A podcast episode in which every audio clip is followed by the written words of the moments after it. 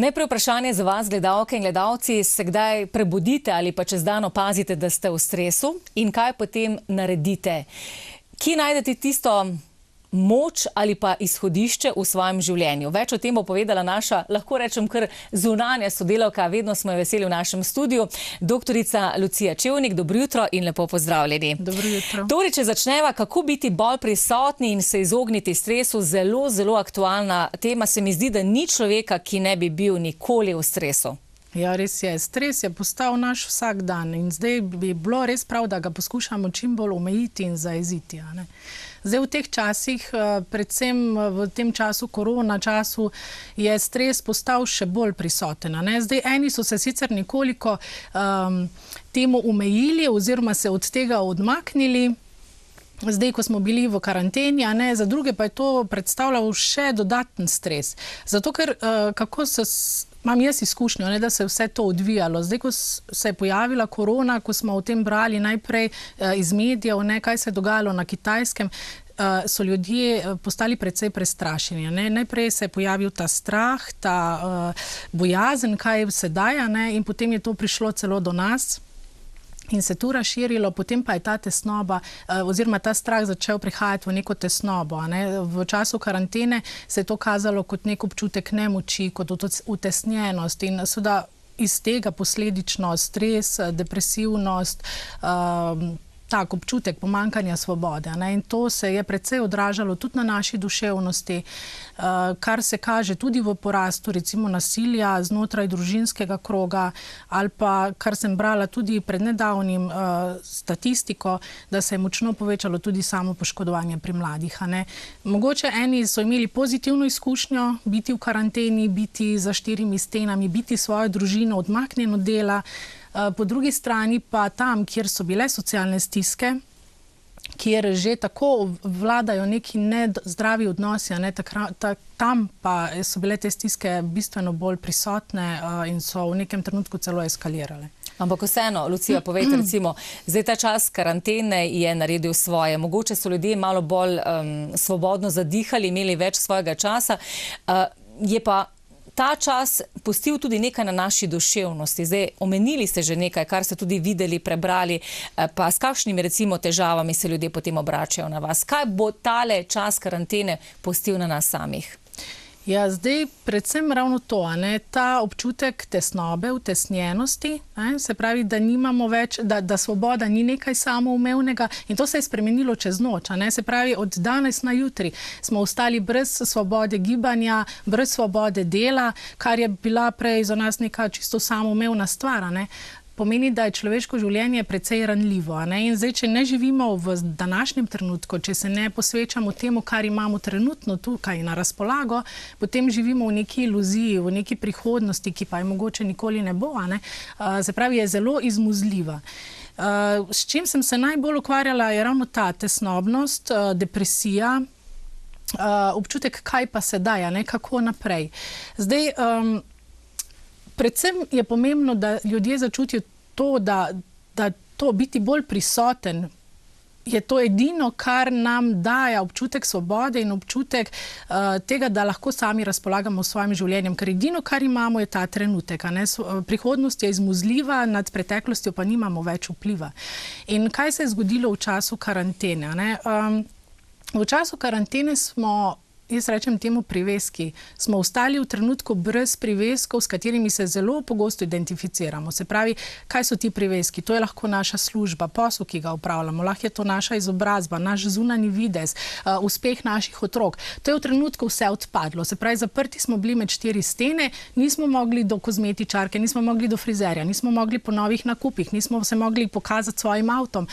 In če se mi identificiramo, se pravi, če mi svojo osebno zamenjujemo s temi priveski, potem pomeni, da um, v nekem trenutku brez tega ostanemo in tisto, s čimer pa imamo upraviti takrat, je naše bistvo.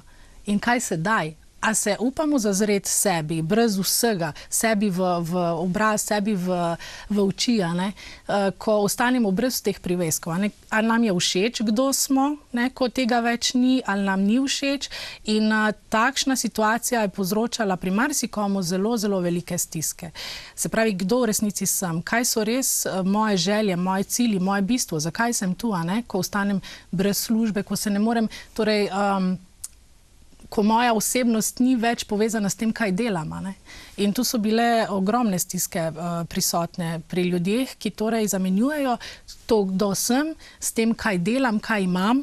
Um, se pravi, s tem nekim zunanjim bliščem, z nekim zunanjim, um, zunanjo materialnostjo. Uh mhm. -huh. Pa vseeno me zanima, kdo doživlja večjo stisko zdaj, mladi, starejši, moški, ženske? Uh, pravzaprav, kar vsi. Uh, težko bi zdaj rekla. Jaz sicer nekoliko več delam z ženskami in tudi z mladostniki. Zdaj bom rekla, da je bil kar precejšen porast. Teh duševnih stisk, ki so se mhm. kazale. Ženske smo tako ali tako bolj občutljive, oziroma ne bolj občutljive, ampak prej tudi poiščemo pomoč ali pa uh, izrazimo to svojo stisko na vzven. Se pravi, pokažemo to, medtem ko moški to zelo introvertirano, zelo. Um, sami nekako to premlevajo, to svojo uh, duševno stisko. In uh, veliko krat se zelo težko spopadajo, ravno zaradi tega, ker se ne odprejo, ne, ker ne delijo te stiske. Uh -huh. um, pa so te okoliščine morda prinesle le kaj pozitivnega? Ja, seveda so prinesle za marsikoga, ki se je bil pripravljen soočati sam s sabo. Se pravi, ki se je bil pripravljen se zazreti vase, se pravi, ravno to, ne, brez teh priveskov, se vprašati po svojem smislu, zakaj sem tu, kaj si resnično želimo v življenju, ne, kam iti naprej. Uh, in tu se mi je zdela tudi ena taka res uh, priložnost, ne, da smo videli, kaj je v življenju pravzaprav res vredno. Ne, ti odnosi, ki jih imamo. Um, Ta naša neka notranja sreča, nek naš občutek uh, izpolnjenosti, kljub vsemu, da nimam teh priveskov, ne? se pravi, da ostanem v nekem trenutku brez tega. Uh, in znamo nekako ceniti te male stvari, odnose, ki jih imamo z svojimi otroki. Jaz večkrat rečem, uh, morali bi se zazreti na svoje življenje, na neko trenutno situacijo iz pozicije, kot da smo na smrtni posteli. Ne? Sliši se sicer, sicer dramatično, ampak.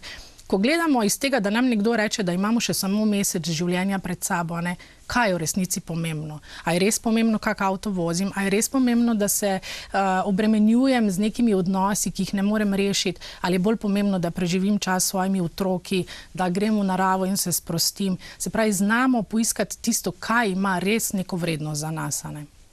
Kaj smo se oziroma se bomo naučili iz tega? Pa ali se bomo naučili biti bolj prisotni?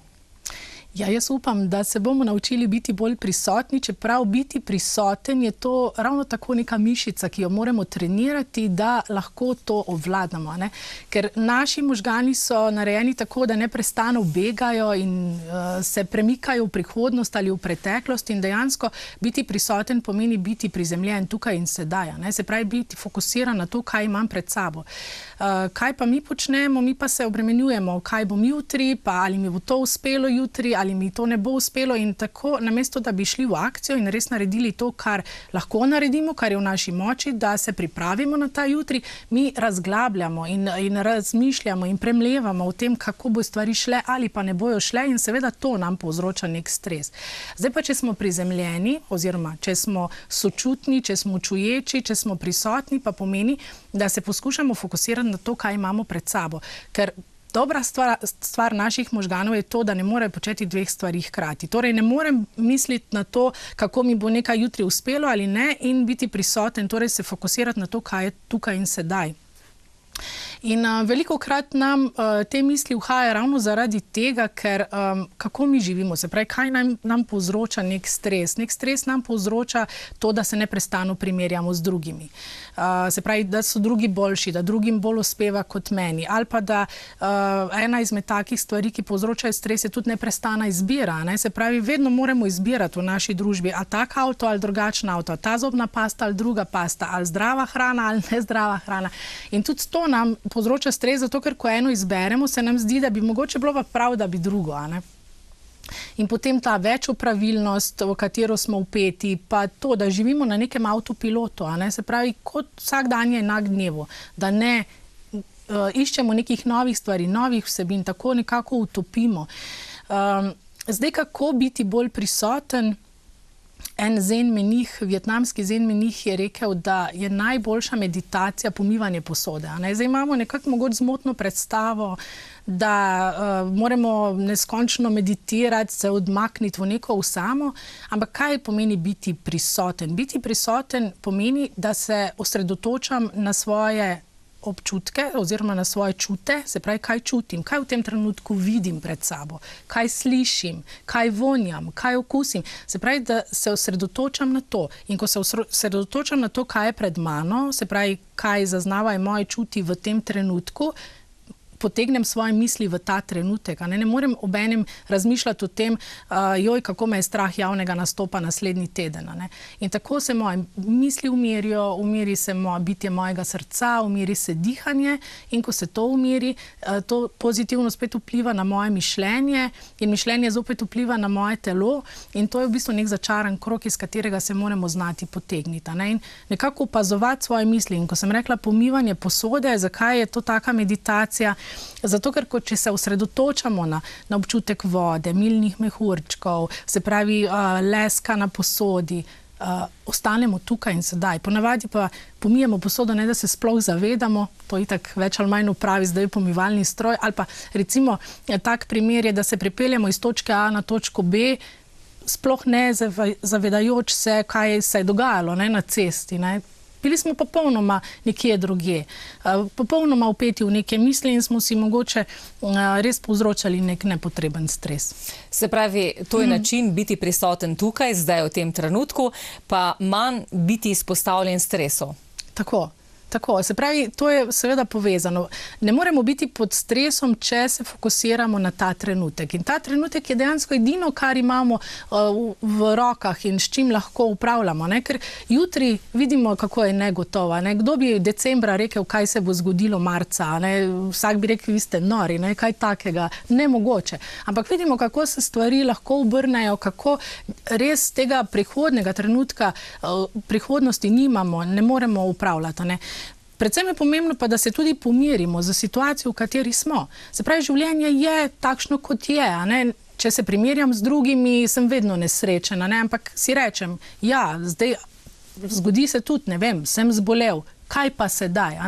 Nekako, da sprejmemo življenje v tem trenutku takšno, kot je, da ne dramatiziramo, da ne premišljujemo pretirano in se zapletamo okrog tega, ali je to dobro ali je slabo. Je tako, kot je.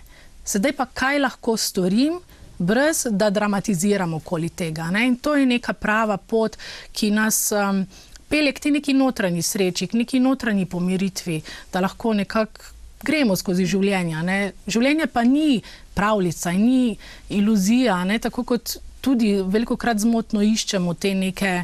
Um, atribute pravlične, ne, neskončne in večne ljubezni, in zaljubljenosti in, in večne sreče. Ampak kaj sploh sreča je?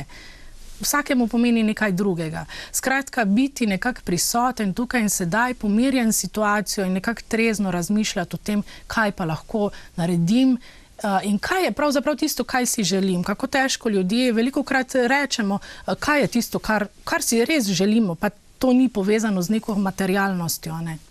Eh, doktorica Lucija Čevnik, če to ugotovimo in se tega tudi naučimo, potem tudi ni tele bolečine notri v prsih. Ne? S tem se pa srečujemo skoraj vsak dan.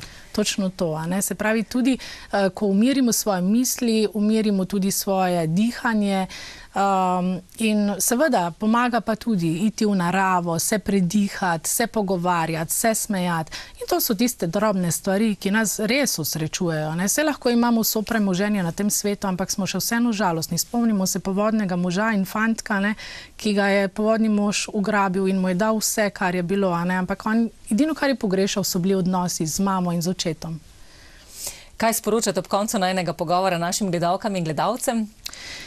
Biti čim bolj čuječi, čim bolj prisotni uh, in čim manj tavati nekje v prihodnosti s svojimi mislimi uh, in si klicati neko um, stresno prihodnost in misliti na najslabše možne scenarije. Se pravi, biti tukaj in sedaj. To je najbolje, kar lahko naredimo in najbolj zdravo. Umiritev na samih v notranjosti. Tako. Lepa hvala za danes in srečno.